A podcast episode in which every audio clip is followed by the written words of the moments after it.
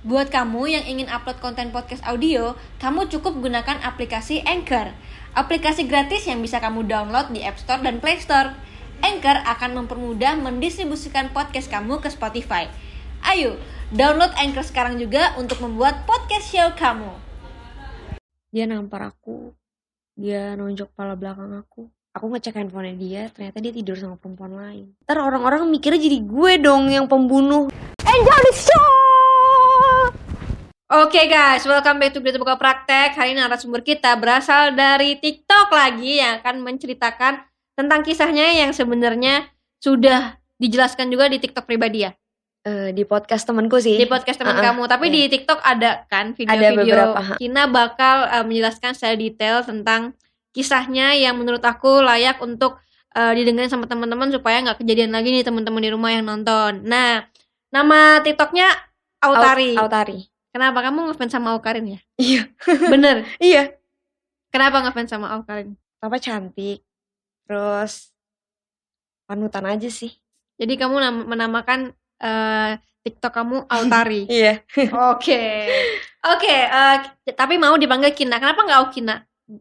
Gak nyambung Nggak nyambung, biar sama kayak Kari.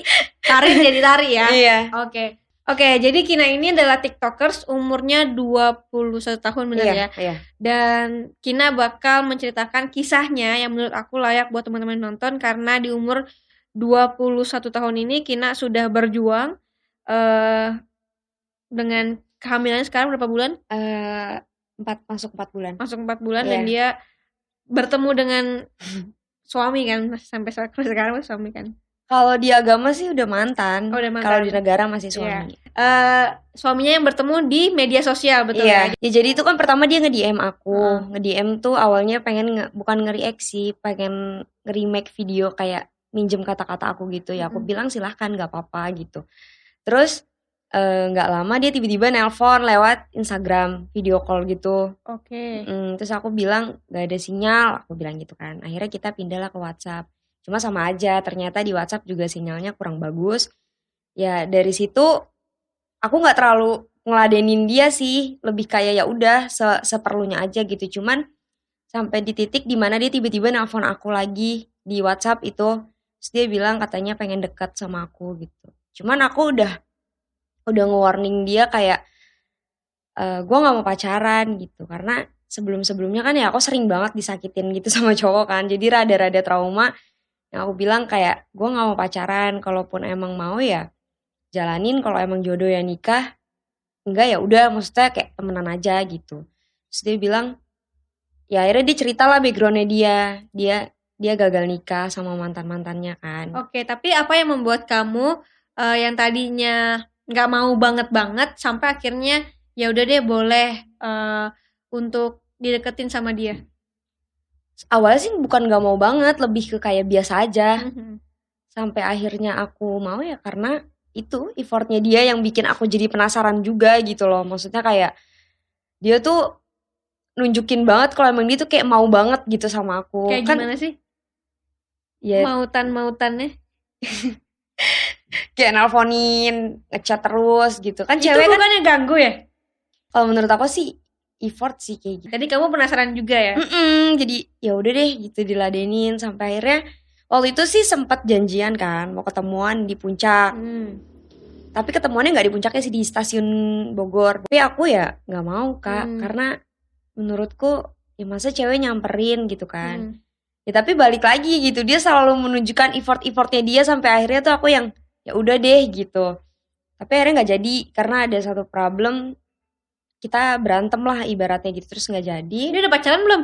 enggak nggak Oh pacaran nggak pacaran. nggak pacaran Karena waktu itu kamu langsung bilang iya aku maunya warning. nikah muda, warningnya Heeh, nikah iya muda. iya Terus dia cerita background dia, dia, Dia udah dua gagal kali, gagal nikah dua kali. Iya. Terus ya udah sampai akhirnya aku balik lagi sama dia. Kan itu kan pas mau ke puncak kan sempat berantem tuh. Mm-mm. Terus tiba-tiba dia ngechat aku lagi. Kayak maksa lagi nih mau ketemu gitu. Ayo ketemu dong, ketemu dong gitu Hmm. kan. Sampai akhirnya yaudah deh gue temuin. Walaupun awalnya aku bilang dia itu nggak worth it buat aku karena effortnya dia itu kan yang bikin aku penasaran.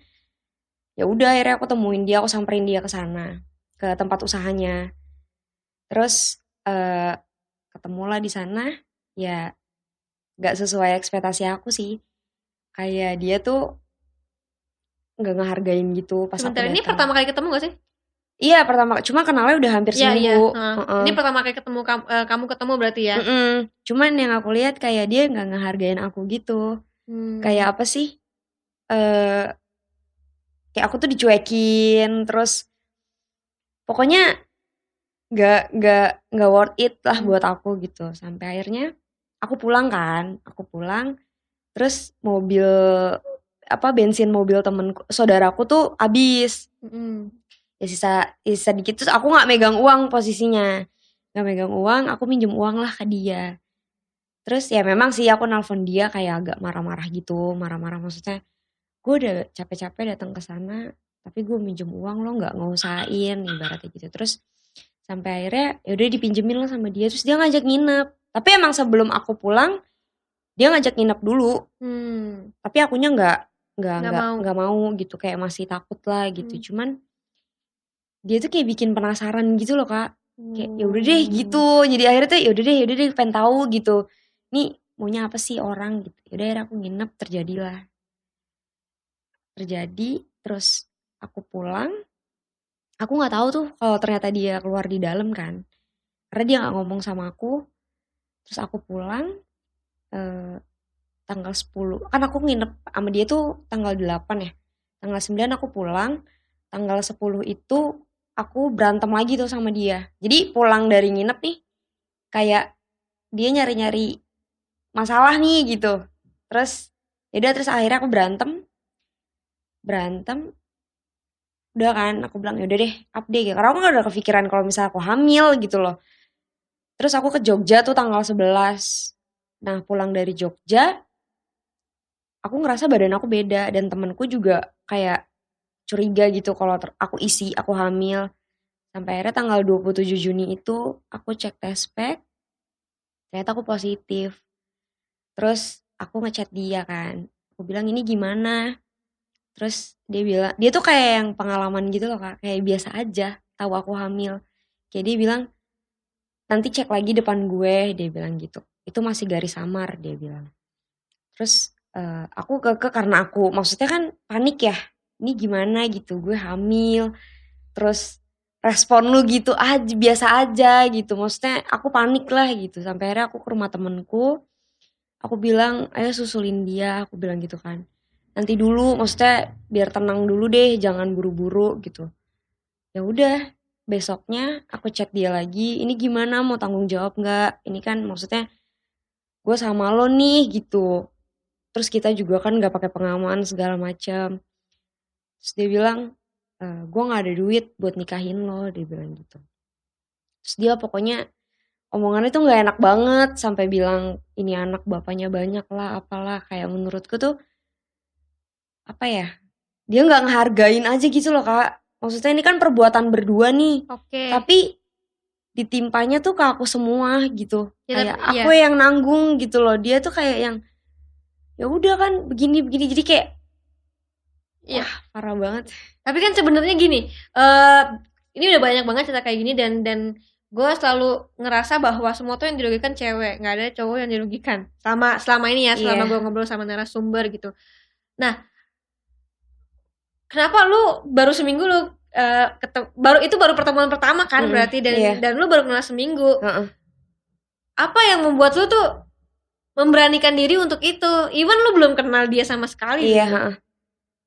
ya nggak munafik ya namanya kan aku juga masih punya nafsu kalau misalnya cewek sama cowok berdua di kamar kan nggak mungkin banget nggak ngapa-ngapain sih Ya sebelum itu deh, kenapa akhirnya mau oh nginep kenapa akhirnya gitu? mau Kan nginep kan eh, lu mungkin sebagai seorang yang udah dibilang eh, dewasa udah tahu mungkin kalau misalkan nginep akan terjadi hal-hal itu kan. Nah, iya, tapi iya. kan sebelumnya lu bisa stop untuk eh, enggak deh kan dia juga baru seminggu kecuali kalau Hmm. misalkan udah kenal mungkin Iya. beberapa lama, atau mungkin itu temen lu yang udah lama dan akhirnya ya kejadian gitu. Tapi kan ini kayak baru seminggu dan baru pertemuan pertama. Iya, aku salah sih. Aku emang salah.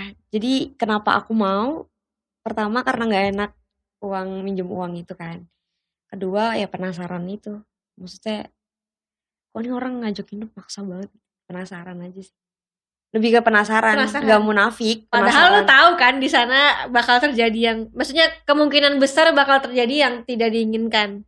ada pikiran ke sana Terus nah makanya ini tuh pelajaran juga jadi eh baik lagi tuh nggak mungkin deh eh sedikit lah ya masih ada cowok-cowok yang bertanggung jawab tapi Iya. sedikit lah sedikit Sedikit. banget persenannya. enggak sih kak circle aku tuh maksudnya adalah beberapa yang emang kasusnya pakai gini tapi Tapi kan Suaminya- pacaran dulu.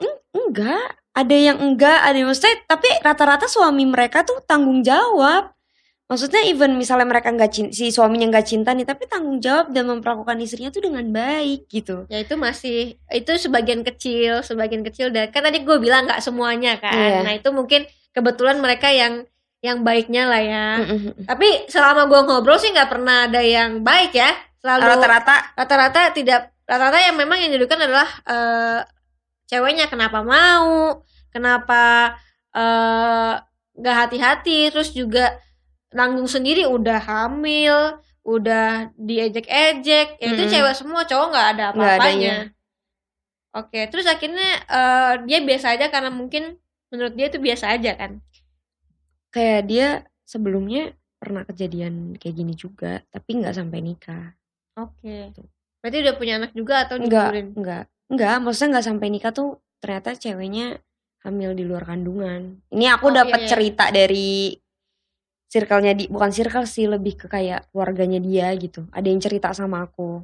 Kayak ya oh berarti kemarin dia nggak kaget tuh ternyata Karena udah pernah sebelumnya eh, eh, sampai akhirnya nggak nikah. Ya udah terus akhirnya gimana caranya kan aku usahain sampai dia nikahin aku gitu pertamanya dia ng- bilang kan tes di depan dia akhirnya Mm-mm. udah. Enggak enggak enggak terus? Pokoknya aku bujuk dia gimana caranya dia nikahin aku gitu. Sampai akhirnya ya udah dia datang lah sama abangnya ke rumah aku. Hmm, sebelumnya tuh aku nggak jujur ya sama mamaku. Iya. aku nggak jujur sama mamaku. Eh, sampai aku akhirnya kelimpungan sendiri nih. Aduh nyokap nggak mau buru-buru nikahin karena kan kaget dong maksudnya tiba-tiba mau nikah kenapa gitu. Udah akhirnya aku jujur lah gitu. Cuman mamaku tuh baik banget gimana ya namanya orang tua ya anak sesusah apa pun pasti di di inilah dibantu gitu kan maksudnya Walaupun- nggak marah lah nggak di hatinya marah ya tahu Iya sih pasti. Ya mamaku nggak marah sampai akhirnya mamaku bilang ya udah nikah aja gitu. Mau gimana yang penting kamu jangan gugurin anaknya gitu. Ya udah terus atur jadwal dia datang ke rumahku sama abang. akhirnya dia mau kenapa dia akhirnya mau Hmm, nggak tahu ya. Karena kan tahu. kamu bujukin Iya aku bujuk aku bilang "E, ini gimana gitu. Maksudnya ini kan ya perbuatan kita berdua. Aku bilang gitu. Tiba-tiba ya udah nanti gue ngomong sama nyokap lo dia bilang gitu. akhirnya mau nikah juga akhirnya tuntun jadwal terus nikah Iya, saya nikah lah. Nikah. Nah, setelah nikah nih, Kak. baru Banyak mulai baru mulai nih banyak banget. Yang aku pikir tuh gini. Aku pikir dia bakal bisa berubah gitu kayak Hmm. ayo deh kita berdua nih berubah bareng-bareng gitu. Misalkan kita sama-sama brengsek nih dulunya. Ayo kita berubah bareng-bareng gitu. Tapi ternyata dia nggak bisa diajak berubah gitu. Setelah nikah tuh dia nggak ngasih aku nafkah, Mm. nafkah lahir batin terus dia KDRT-in aku Oke. dia apa namanya eh sampai teriak-teriak tes DNA padahal awalnya dia cuman bilang kalau ini bapaknya banyak gitu loh. Terus mantannya juga musik-musik. Banyak deh kak. Maksudnya problemnya tuh yang aku tuh sampai akhirnya tuh kayak udah deh pisah aja gitu. Kamu tinggal kamu nikah kapan? Berapa Aku lama aku- setelah kejadian itu? aku nikah 12 Juli. Oh berarti eh, sebulan lah ya? Iya. Nikah. Nikah. Terus akhirnya banyak yang Banyak, tadi itu iya. KDRT jadi mantannya juga kan musik-musik di awal kayak dia bilang udah nggak mau nggak mau gitu sama suami aku tapi dia masih ngerecokin kayak suamiku ngechat dia masih diladenin sama dia. Terus sampai nge-spill di sosial media kalau misalnya ternyata suamiku tuh nggak cinta sama aku yang dulu tuh aku masih nutup rapat aib suami aib kita lah ibaratnya tapi si mantannya ini ngebongkar sampai akhirnya netizen kan netizennya mereka bertanya-tanya ke aku kayak emang bener ya kalau suaminya Kak Tari tuh nggak cinta gini gini gini? Tapi aku berusaha buat nenangin netizen mereka kayak enggak kok gitu enggak kayak gitu. Terus uh, udah nih selesai mantannya maksudnya udah kita sempat ribut gede juga sih itu kejadiannya lebaran haji kemarin yang kasusnya itu yang dia nge-spill di TikTok aku marah kan aku marah aku bilang udah gue mau pisah aja. Memang yang yang selalu ngajak pisah tuh aku gitu. Karena gimana sih kak namanya orang hamil kan moodnya naik turun ya. Nggak nggak selalu bagus gitu loh. Tapi dia tuh bikin ulah terus gitu. Sampai akhirnya berantem lah tuh di lebaran haji itu. Berantem. Tapi aku masih mau maafin dia waktu itu. Aku masih mau maafin dia. Kita kita maafan lah gitu. Terus dia berulah lagi di tanggal 27 Juli aku ngecek handphone dia ternyata dia tidur sama perempuan lain. Kamu sayang gak sih sama dia? Waktu ngelakuin itu waktu hamil sebelum nikah. Oh ngelak ngelakuin itu? Iya maksudnya itu terus uh, akhirnya hamil. Selama itu tuh kamu tuh ada rasa sayang gak sih? Atau karena ya udah karena hamil setelah aja menikah iya sayang. Sebelum enggak setelah menikah sayang? Karena anak. Tapi uh, KDRT nggak dinafkahin terus mm -mm di tahun di tanggal 27 aku ditalak. ditalak. Kamu padahal karena, dia bukan dia yang salah padahal. Karena kamu tahu dia tidur sama cewek lain. Iya. Mau aku tuh kayak aku marah-marah nih gitu. Mau aku tuh dia minta maaf ke dia mikir nih dia juga salah gitu. Maksudnya dia udah gak milih. Ya aku tahu aku juga salah di sini. Cuma kan aku udah berusaha untuk bertanggung jawab atas perbuatan aku. Ini kan kita berdua nih yang salah. Hmm. Jangan semuanya ditanggungin ke aku gitu. Ayo dong, gak apa-apa dia gak cinta sama aku, tapi aku minta jangan sampai lah dia tidur sama perempuan lain gitu loh kak. Karena kan seharusnya udah nikah juga kan. Iya. Apa ya? Sakit banget. Boleh ceritain nggak kadiratnya seperti apa? Dia nampar aku dia nonjok kepala belakang aku. Dia ngejambak aku, dia nendang aku. Sampai ada bekas lukanya. Masalahnya apa kalau gitu? Karena aku ngejawab omongan dia aja sih. Kayak misalnya uh, waktu itu kan kejadiannya kan dia ketahuan tidur nih sama perempuan lain gitu. Aku marah-marah ke dia kayak, hmm? maksudnya udah deh gue gue mau pisah aja aku bilang gitu kan terus aku aku samperin tuh dia ke kamar kan jadi abis berantem nih aku lari ke kamar mamaku hmm. untuk menghindari ribut gede kan tapi aku chat lewat WhatsApp tuh respon dia gitu-gitu aja yang aku akhirnya gregetan aku samperin aku bilang ya udah kalau emang lo mau cerai mau diurus kapan? Aku bilang gitu biar gampang kan harusnya kan suami yang nyerain ini biar nggak ribet gitu kan. Terus dia nggak terima gitu kayak dia teriak-teriak segala macem aku bentak balik. Terus dia akhirnya nampar aku sekali aku bentak lagi dia nampar dua kali aku tampar balik. Dia narik rambut aku dia nonjok pala belakang aku gitu. Memang sebelumnya kalau yang ditendang itu gara gara-gara dia kan mau pulang mau pulang ke rumah ibu angkatnya hmm. uh, aku bilang ya udah besok aja kayak gitu-gitu maksudnya sekarang tuh nggak ada yang nganterin gini-gini cuman dia kayaknya moodnya lagi nggak bagus Sampai akhirnya tuh aku kesel gitu kan, dia marah-marah terus, aku jawabin lah omongannya dia, dan nendang aku, dia jambak aku, kayak gitu sih Kak. Karena itu gitu. Hmm. Tanggal 27 itu akhirnya talak, ditalak kan? Ditalak, ya itu yang dia mukulin aku itu. Hmm. Terus Jadi itu dia, pisah rumah? Dia cabut, cuman baju-bajunya belum dibawa. Sampai sekarang? Itu. Enggak, udah dibawa sekarang. Jadi uh, puncaknya lagi itu kan setelah dia pergi tuh mau aku, aku berharap banget nih dia minta maaf gitu dia ngakuin kesalahan dia dia tidur sama cewek lain gitu dia nggak nafkain aku segala macam karena selama dua minggu nih aku udah mendem banget kak udah kayak aku sabar gitu maksudnya aku nggak nggak keluar sana sini aku nutupin aib dia bahkan orang tua aku pun setiap nanya kamu kenapa kayak kan mamaku pasti ngeh lah ya kalau aku sedih apa tuh pasti tahu kan kayak aku nutupin dari keluarga dari keluarganya dia juga gitu loh tapi kok dia masih tetap kayak gitu juga. Aku berharap banget dia berubah. Aku berharap banget dia minta maaf setelah pergi dari rumah. Ternyata aku tungguin sampai dua minggu enggak juga. Sampai akhirnya dia datang ke rumah aku, bikin onar di komplek aku marah-marah. Dia datang teriak-teriak, dia lemparin jendela kamar aku pakai sendal, dia lemparin pakai tutup tong sampah depan rumah aku, dia teriak-teriak sampai tetangga semua keluar cuma perkara konten kayak dia ngerasa aku ngebongkar aib padahal kontenku tuh gak bongkar aib dia konten-konten maksudnya setelah dia pergi dari rumah ya Hmm. kayak aku cuma bikin konten nyanyi-nyanyi lagu yang janda kembang gitu doang gitu. Dia dia mikirnya aku buka aib dia gitu loh. Padahal yang menurut aku aku udah jadi janda juga orang dia udah nalak tiga kali kan gitu. Terus akhirnya dia nyerahin aku lah ke eh, waliku kan. Terus dia bilang saya udah nggak sanggup gini-gini segala macem tapi tetap balik lagi yang dibahas konten. Sampai akhirnya eh, kita kita cerai lah di cerai agama dia bawa baju-baju dia tapi ternyata dia bikin podcast sama temennya malah memutar-balikan fakta gitu Nah Hmm. iya itu kan dia ada podcast tuh. eh itu tahu-tahu tiba-tiba ada podcast gitu kamu taunya. aku tahu dari netizen sih Ya itu kenapa akhirnya dia buat eh, klarifikasi kayak gitu? Apa di ini netizen di Iya, apa? Oh, di ayo dong kak klarifikasi gitu misalkan. dia nggak terima dibully deh soalnya kan eh, abis kejadian dia nyerahin aku ke keluarga Hmm. aku memang bikin konten sengaja gitu maksudku ya udah biar sekalian aja orang-orang tahu nih busuk lo gimana gitu maksudnya gila gue udah ngajak lo buat berubah bareng-bareng lo masih begini sama gue gitu lo jadi laki-laki kok nggak bertanggung jawab banget gitu memang aku setelah kejadian aku bikin konten aku bongkar cuman aku nggak nyebut nama Hmm. nggak nyebut nama Tapi di kan kontenku. tahu itu kan.